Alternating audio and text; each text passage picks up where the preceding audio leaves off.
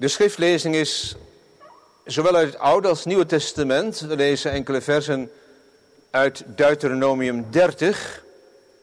En waarom lees ik deze versen uit Deuteronomium 30? Er zijn enkele krachtige woorden van Mozes. En Mozes is degene die de wet van God heeft ontvangen.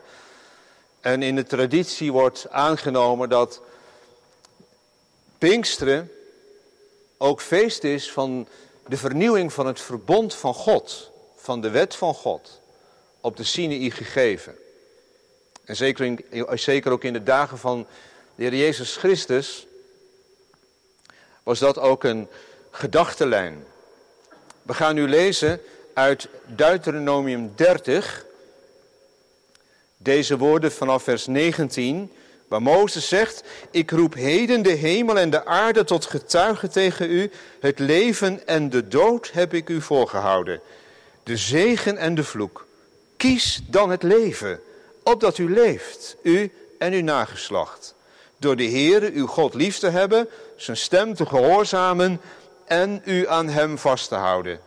Want hij is uw leven en de verlenging van uw dagen. Om te blijven in het land dat de Heere uw vaderen Abraham, Isaac en Jacob gezworen heeft hun te geven. Er is heel veel gebeurd in de geschiedenis van Israël. Afgeweken van de geboden van God, repeterende breuk. Maar God heeft zijn belofte vervuld. Ik zal mijn geest in jullie hart geven. Ik zal een nieuwe geest in jullie binnenste geven. Zodat die woorden die we hebben gelezen ook werkelijk gedaan zouden worden. En we lezen dan nu uit Romeinen 7. Romeinen 7, brief van Paulus aan de gemeente van de Romeinen, hoofdstuk 7 en hoofdstuk 8. Nou werd in de consistorie al gezegd, ja, het is een bloemlezing. Nou, daar zit natuurlijk altijd wel iets van in, maar het zijn ook echt wel bloemen die samen een boeket vormen. Zoals ik dat tenminste versta. In Romeinen 7 lezen we vanaf vers 18. Want ik weet, zegt Paulus, dat in mij, dat is in mijn vlees, niets goeds woont. Immers, het willen is er bij mij wel, maar het goede teweeg brengen, dat vind ik niet. Want het goede dat ik wil, doe ik niet. Maar het kwade dat ik niet wil, dat doe ik. Dan lezen we vanaf vers 24. Ik ellendig mens, wie zal mij verlossen uit het lichaam van deze dood? Ik dank God, door Jezus Christus onze Heer. Zo dien ik dan zelf wel met het verstand de wet van God, maar met het vlees de wet van de zonde. Dus is er nu geen verdoemenis voor hen, geen veroordeling voor hen die in Christus Jezus zijn, die niet naar het vlees wandelen, maar naar de geest. Want de wet van de geest van het leven in Jezus Christus heeft mij vrijgemaakt van de wet van de zonde en van de dood. En dan lezen we vers 13 en volgende. Want als u naar het vlees leeft, zult u sterven. Als u echter door de geest de daden van het lichaam doodt, zult u leven. Het gaat weer over dood en leven. Immers zoveel als er door de geest van God geleid worden, die zijn kinderen van God. Want u hebt niet de geest van de slavernij ontvangen, die opnieuw tot angst leidt. Maar u hebt de geest van de aanneming tot kinderen ontvangen, door wie wij roepen, Abba, Vader. De geest zelf getuigt met onze geest dat wij kinderen van God zijn. En als wij kinderen zijn, dan zijn we ook erfgenamen. Erfgenamen van God en mede-erfgenamen van Christus. Wanneer wij althans met hem lijden, opdat wij ook met hem verheerlijkt worden. En ja, ik nodig u en jou uit om dit hoofdstuk natuurlijk door te lezen vandaag nog, want er zit zo ontzettend veel in, maar we moeten ons beperken. En ik zal ook in de tekst me ook weer moeten beperken tot enkele facetten. Maar het tekstgedeelte voor vanmiddag is vanaf vers 14 de gelezen versen die we in Romeinen 8 vinden, de versen 14 tot en met 17. En Boven de preek heb ik gezet Pinksterkinderen. Pinksterkinderen. Gemeente van onze Heer Jezus Christus. Nou, dan had u misschien al een beetje vermoed dat wordt een hele blije dienst. Huppelen van zielenvreugd. Hebben we gezongen. Pinksteren.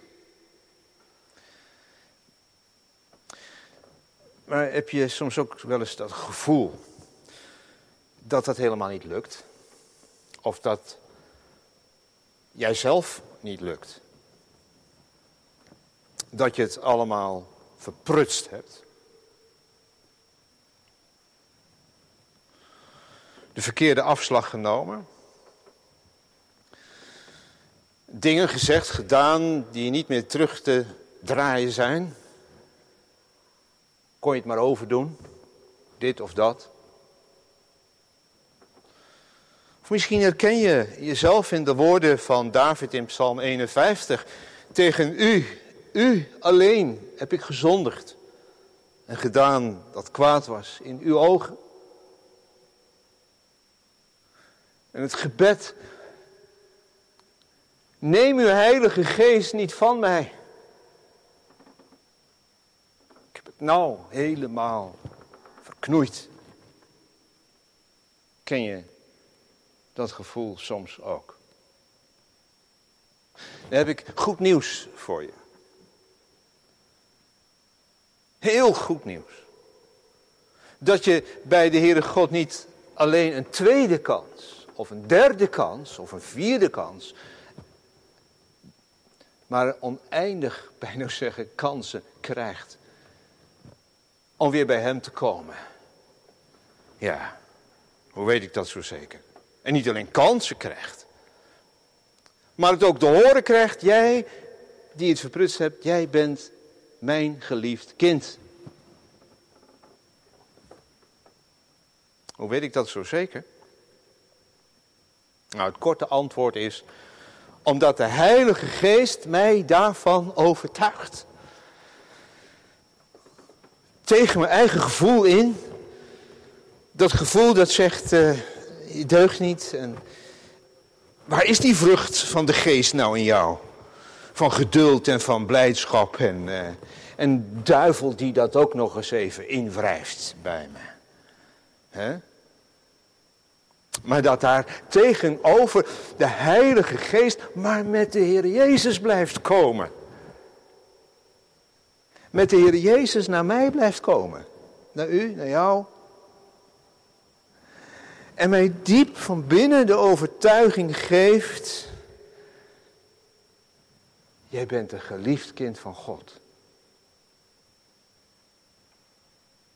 Nou, in zekere zin mogen we ons allemaal zonen en dochters, kinderen van God noemen. Toch? Kinderen van één vader zijn wij allemaal. We zijn allemaal door God geschapen. We zijn allemaal mensenkinderen, zijn kinderen. Maar in Romeinen 8 boort Paulus toch een diepere laag aan. Over kinderen gaat het die God als hun vader, als hun Abba aanroepen. En niet alleen maar als een riedeltje. Maar diep van binnenuit in die relatie, in die intieme relatie met God, met die Vader. Die om Christus wil ook jouw God en Vader geworden is. Dat. Nou, ik kom daar straks op terug, hè, Abba Vader, maar wat Paulus hier allemaal schrijft was voor de mensen in Rome best wel revolutionair, nieuw en misschien zelfs al ongehoord. Paulus schrijft aan de gemeente van Rome en heeft die uh, gemeente zelf niet bezocht. Tenminste nog niet op het moment dat hij die brief heeft geschreven. Maar hij heeft van die gemeente van alles gehoord. En hij schrijft een brief omdat hij bezorgd is over wat er in de gemeente zich allemaal zo afspeelt. En dat er mensen zijn en dat komt dan met name in dit geval van mensen van de synagoge, eh, van, eh, van Joodse origine, die het christenen toch heel moeilijk maken. Die zeggen, ja, maar je denkt toch niet dat je alleen door het geloof in Jezus Christus behouden wordt. Want Mozes heeft ons toch de wet gegeven. En het is toch heel duidelijk, je leeft naar die wet en dan heb je het leven. Of je leeft niet naar de wet en dan is dat je dood. Dat is het verhaal van Mozes. Toch? Maar dan neemt Paulus zin voor zin en acht hoofdstukken lang de tijd om het uit te leggen. En eigenlijk heeft hij in het eerste hoofdstuk al gezegd: Mensen, dit is het evangelie. Wij worden gerechtvaardigd, we worden goed voor God, rein, volmaakt, door het geloof in Jezus Christus. Punt uit. Ja, dat het dan van alles nog in je oppopt en opkomt. En dat zagen we, zagen we ook in hoofdstuk 7. Hè, dat het goede dat ik wil, dat doe ik niet. En het kwade dat ik niet wil, dat doe ik. Ja, dat zegt Paulus ook niet maar zo'n riedeltje of zo. Maar dat heeft hij echt helemaal echt ontzettend last van. En daar heb je ook als kind van God last van. Maar daar bovenuit en daar dwars doorheen dan dat lied dat hij inzet in hoofdstuk 8. Maar nu is er geen verdoemenis, geen oordeel voor die in Christus Jezus zijn. Die niet naar het vlees wandelen, maar naar de geest. En dat sluit bijna aan op vers 14, waar het ook gaat over geleid worden door de geest, die niet naar de geest naar het vlees wandelen, maar naar de geest. Wandelen naar het vlees, even heel kort, ja dat is dat je je eigen gedachten volgt. Laat ik het maar zo zeggen. Of dat nou wettische gedachten zijn of liberale gedachten, of weet ik wat voor gedachten, maar dat dat je eigen opinie is en daar ga je voor en daar, daar, uh, daar heb je het altijd over. En uh, dat, dat is wat, wat jij vindt en waarvan jij denkt dat je daar dan eh, de beste weg in het leven vindt. Dat is het vlees, dat is wat je zelf bedenkt. Op welke manier ook. En waar, waar je zelf als het ware toch in het middelpunt staat. Maar zegt Paulus hier, en ik zeg maar even mijn eigen woorden, lieve mensen, het is Pinkster geworden. En de geest is uitgestort. En de geest heeft jullie Jezus Christus voorgesteld. Hij heeft hem verkondigd. Hij staat in het middelpunt. En zie je ook die Pinksterdag, hè, dan, dan, dan, dan preekt dus eigenlijk alleen maar over de Heer Jezus. Hè. Het preekt niet over de Heilige Geest, maar over Jezus. Daar gaat het over. En de geest heeft jullie ogen en harten ervoor geopend dat je door het geloof in Hem vergeven bent. En daarom zeg ik jullie, verkondig ik jullie, schrijf ik jullie. Christus woont nu in jullie. Sinds je tot geloof kwam. En hij woont op de wijze van de Heilige Geest in jullie.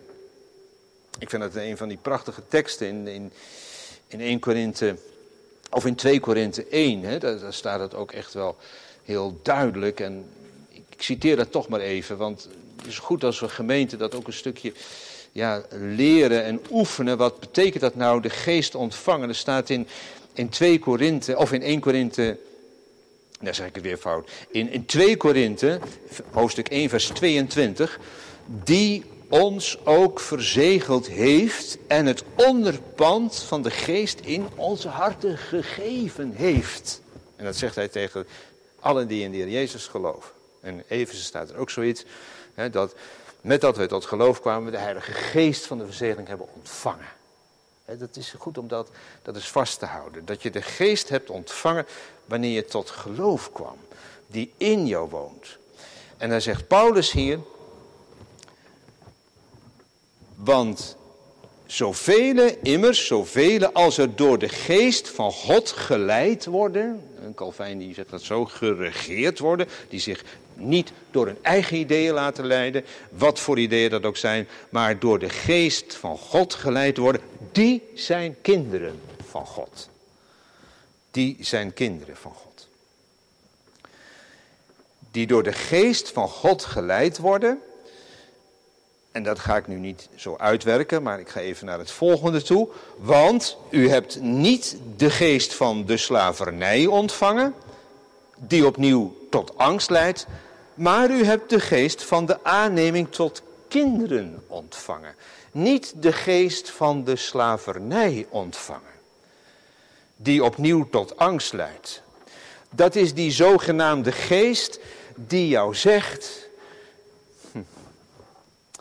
het is met gebed van jou nog niet helemaal eh, zo goed, hè? En die jou zegt, je zou toch wel nog iets meer stille tijd moeten houden. En dat is die geest die zegt, jij moet toch nog wel goed je best doen om het voor God toch goed te maken. En wat er dan fout ging in je leven, ja, dat moet je toch maar zien te compenseren op de een of andere manier. En dat is die geest van de dienstbaarheid, van de slavernij, van het moeten. Eigenlijk is het een, ja, ik vind het eigenlijk een soort demon, hè? een soort vervelend geestje. Die, uh, die steeds maar achteraan zit en je moet dit, eigenlijk is dat de geest van de, zeg maar, van de maatschappij waarin we leven, vind ik. Ik denk dat wel.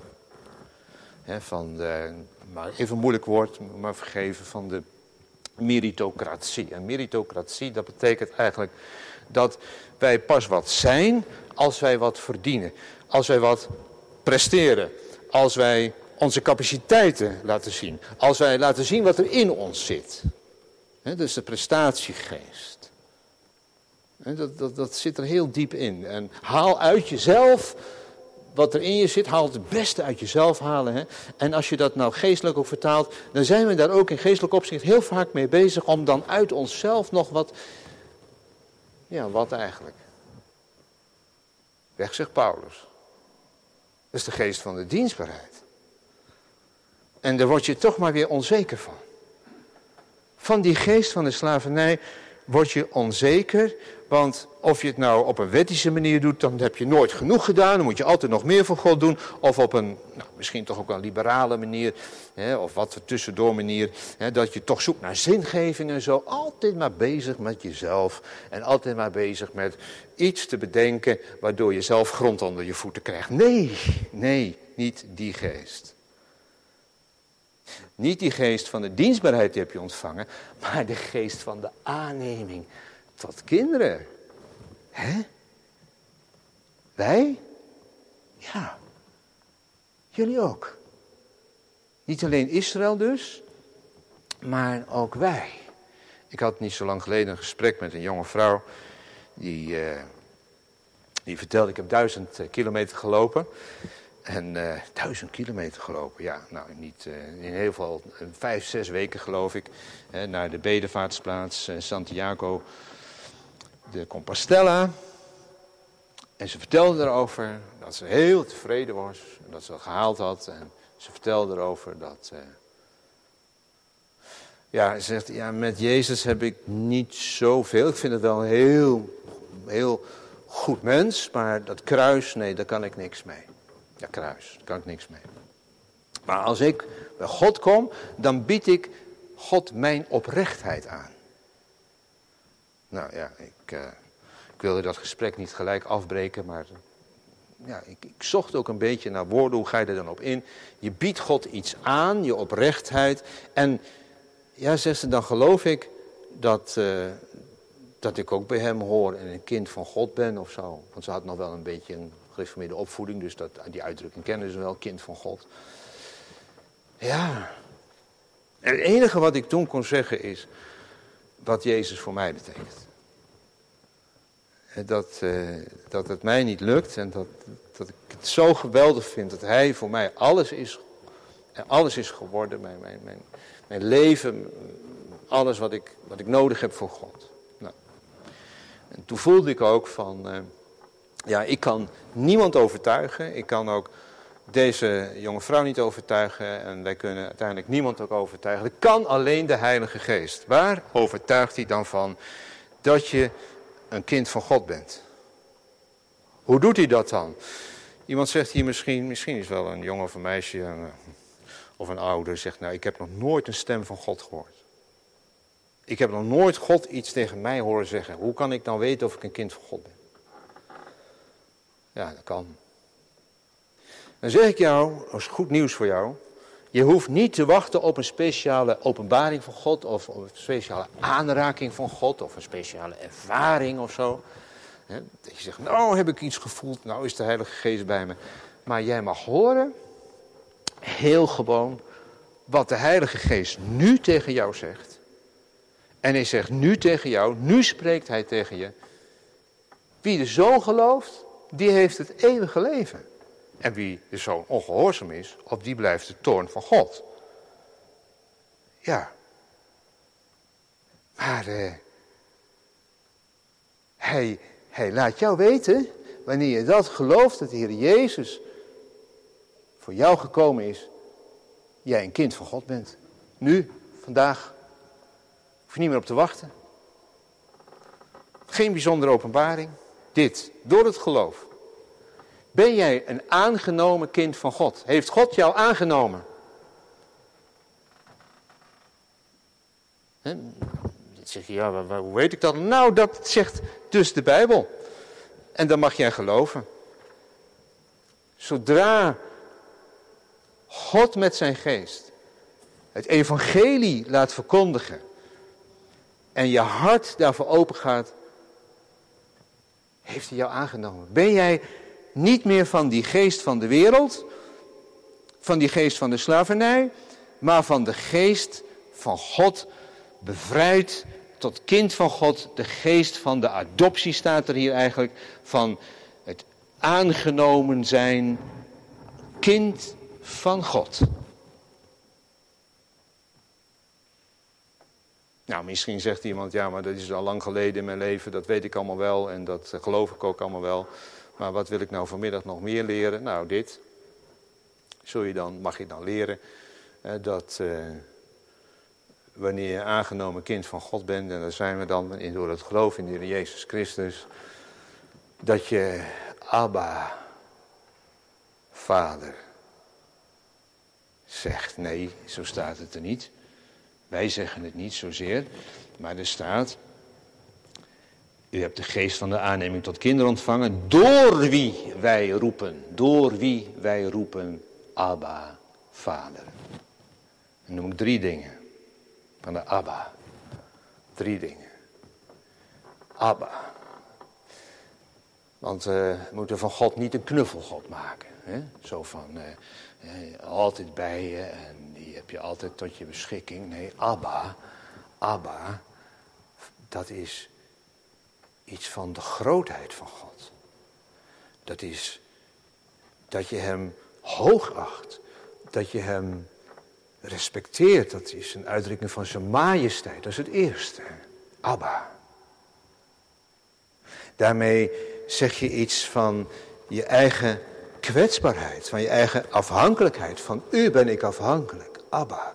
Voel je door het geloof in de Heer Jezus Christus rechtvaardig voor God, maar dan komt er een, relatie met Hem. Abba. Grote God, u loven wij. Eerbied voor die Abba. In de liturgie in die tijd was Abba een uitdrukking die door de gemeente werd uitgeroepen. Dat de heel die gemeente zei, Abba. Net zoals ze zei, Maranatha. Abba, een, in de taal, een internationale uitdrukking. En het werd verstaan in alle andere culturen. Abba, vader, eerbied. Tweede is wat er in die naam ook zit. Waardoor je die relatie met God ook meer voelt intimiteit. Majesteit, grootheid, het eerste en tweede, intimiteit. Kinderlijk vertrouwen. Dat hij mij ziet zoals ik ben, dieper dan ik mijzelf ooit ken. Dat vind ik zoiets bijzonders, zoiets groots. Ik begon de preek dat ik het gevoel dan heb, hè, ik heb het verprutst. Maar Abba, u kent mij en u weet wie ik ben. En dieper dan ik mijzelf ook ken, kent u mij. En eer dat ik bestond, wist u van mij. Abba. Ik hoef, als ik Abba zeg, niet langer negatief over mijzelf te denken. Dat mag ik niet eens. En ik kan die duivel van katoentje geven als ik Abba zeg. Die zegt, jij bent een mislukkeling. Nee, Abba zegt, jij bent een kind van de hoop. Een pinksterkind. En zo legt de geest ons Abba in de mond, vader. En hij komt je helpen. Ook, ja, dat is het derde. De geest zegt Abba. Abba is ook de vader van de integriteit. Majesteit, intimiteit en integriteit. Want deze Abba zal je niet om de tuin leiden. Deze Abba zal je niet opzadelen met traumatische ervaringen. En de troosten de Heilige Geest leg je die Abba in de mond. Dat je ondanks alles, ook als er in je leven verkeerde dingen, verschrikkelijke dingen zijn gebeurd, toch die vadernaam in je mond geven.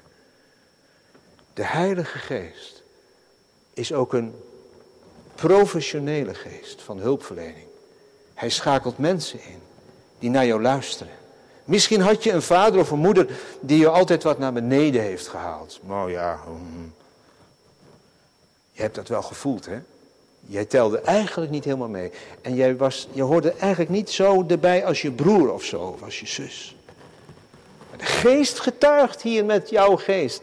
Abba, jij bent een geliefd kind van God. Een pinksterkind. Nee, hij neemt niet alle pijn weg. Maar hij zal alle dingen, ook wat je op dit moment doormaakt en moeilijk valt, doen meewerken ten goede. En zo getuigt de geest met onze geest dat wij kinderen van God zijn. Ik heb hier heel lang op zitten zoeken en zweten, studeren, overdenken en bidden. En eh, wat zegt nou deze tekst? De geest zelf getuigt met onze geest dat we kinderen van God zijn. Er is een vertaling die, uh, die ook uh, ja, wel toegestaan is, wel toegelaten is, dat de geest getuigt mede aan onze geest, maar ik zou het toch hier zo laten staan, met onze geest. En als je daarover gaat nadenken, dat die geest van ons, ja dat is heel apart iets, hè, die geest van ons. Wat is die geest van ons? Ja, wij zijn... Uh, eh, door God geschapen. En, en met dat wij geschapen zijn, heeft God die levende geest, die levendmakende geest in ons geschonken. Maar eh, dat is natuurlijk helemaal fout gegaan met die geest van ons. En we zijn in zonde gevallen.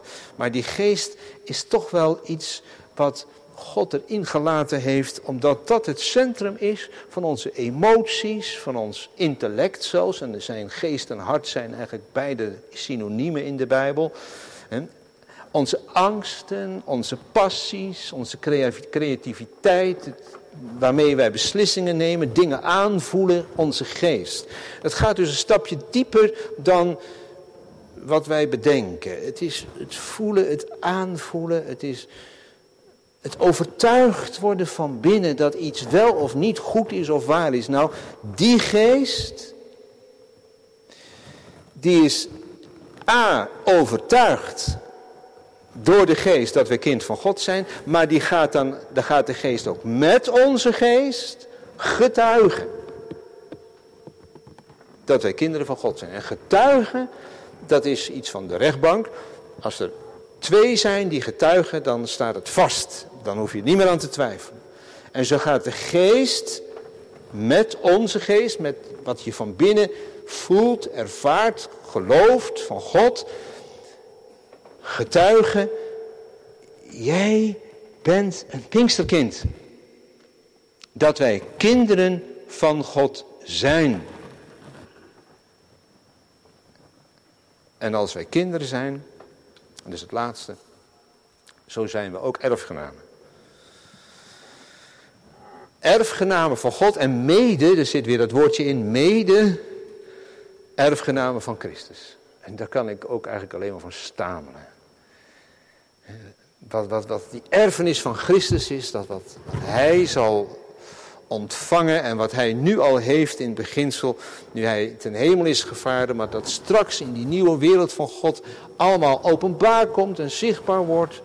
Het is als beeld gebruikt van de rups en de vlinder, maar het is ook allemaal zwakke beelden natuurlijk van wat er om gaat. Het zal onvoorstelbaar meer zijn dan wij zouden kunnen bedenken en allemaal bij elkaar zouden kunnen opschrijven. Dat is die erfenis die wacht. Mede-erfgenamen van Christus. Als we kinderen van God zijn. Dat we er nu soms onder zitten. En dat er nu hobbels en kuilen en gaten in het leven zijn. Lijden, tegenslagen, haat, vervolging. Ze blijven ons niet bespaard. Maar dit alles, zegt Paulus, dat weegt niet op tegen de heerlijkheid die ons zal geopenbaard worden. Pinksterfeest is feest van de hoop, feest van de toekomst, feest van de verwachting. Als kind van God, aangenomen. Niet als een pareltje, maar als een zondaar. Aangenomen door het geloof in Jezus Christus. En de geest die dan ook met jouw geest van binnen heel diep ook gaat getuigen. Ja, het is waar. Ik mag ook een Pinksterkind zijn. Die Abba roept en in Abba alles vindt. En toekomst heeft, verwachting heeft. Ook als je het kruis nu draagt. Ik uh, ken maar een paar mensen hier, zeg maar, naar verhouding van die grote gemeente. Maar die mensen die ik ken, is geen mens, geen persoon, geen gemeentelid zonder een kruis. Maar jouw kruis is niet het einde, is niet het laatste. En mijn kruis is niet het laatste. Jouw depressie, waar geen eind aan lijkt te komen, is niet het laatste. Jouw ziekte die zich voortsleept, die kankercellen die uitgezaaid zijn, dat is niet het laatste.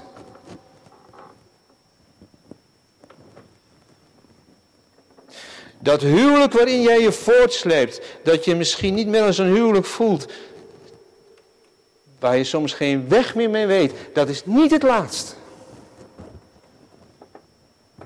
Pinksterkinderen zijn kinderen van de hoop. En al komen niet alle dingen goed, want niet alle dingen komen goed. Mag je weten de erfenis wacht. En dus niet maar stil, maar wacht maar, alles wordt nieuw. En hier beneden is het niet. Ja, hier beneden is het wel. Want hier beneden begint het feest al. Dat je verwondert en verheugt in de zaligmaking. In Abba, Abba. Ja, u mijn vader, u kent mij, u weet alles van me. U weet van mijn kruis. U weet dat ik het soms niet red. Maar ik vertrouw op u.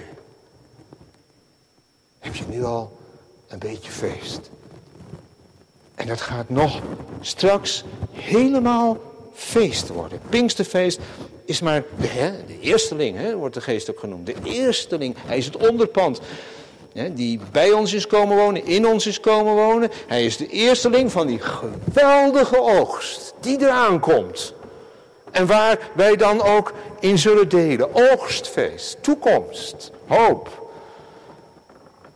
Pinksteren is de wind in de zeilen van het koninkrijk van God.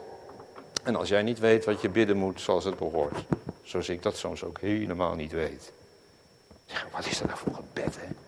Ging weer over, mezelf. Weet je wat de geest dan doet? Ja, ik maak even een sprongetje naar het vervolg. Die gaat in jou bidden. En wat gaat hij dan bidden? Kom, Heer Jezus. Die zucht naar zijn toekomst. Die zucht de toekomst open.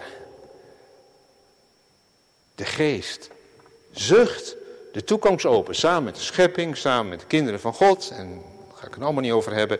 Maar dat is het perspectief, dat is de verwachting. En wat ik, en dat is last, last but not least. Daar is nou Israël ook nog part en deel van. Want God komt ook nog terug bij zijn eerste liefde. Want na hoofdstuk 8 komt hoofdstuk 9 tot en met 11. Wat een getuigenis. Dat dan Mozes die het had over Israël. Het gaat met jullie de verkeerde kant op. Als jullie de wet niet houden, eh, dan is dat jullie dood. En als je de wet houdt is het leven. Dat wet natuurlijk helemaal niks en het wordt ook niks. Maar God komt terug bij zijn eerste liefde. En hij zegt, ik zal die wet in je hart gaan schrijven. Ik zal een geest in je geven, in je binnenste. Jeremia 31, Ezekiel 34. Allemaal beloften van de Heilige Geest. En je zult Pinksterkinderen worden. Dat God nou met diegenen die uit de volken gekomen zijn tot geloof en kinderen van God geworden zijn. Zoals wij hier zitten en geloven voor zover wij in Jezus Christus geloven. Samen met Israël ons zullen verheugen in die grote toekomst. Want God zal zijn volk niet verstoten. En hij zal Israël behouden. Maar wel een waarschuwing. Als we niet volharden in dat geloof, dan worden we afgehouden. Dat staat er ook. Kies dan het leven, opdat u leeft en uw nageslacht. Het getal van God komt vol. De nieuwe wereld van God komt. Wat een eeuwig genieten staat ons dan te wachten. Eer aan de Vader Eer aan de Zoon, eer aan de Heilige Geest, zoals het was in het begin. En nu, en altijd, in de eeuwen der eeuwen. Amen.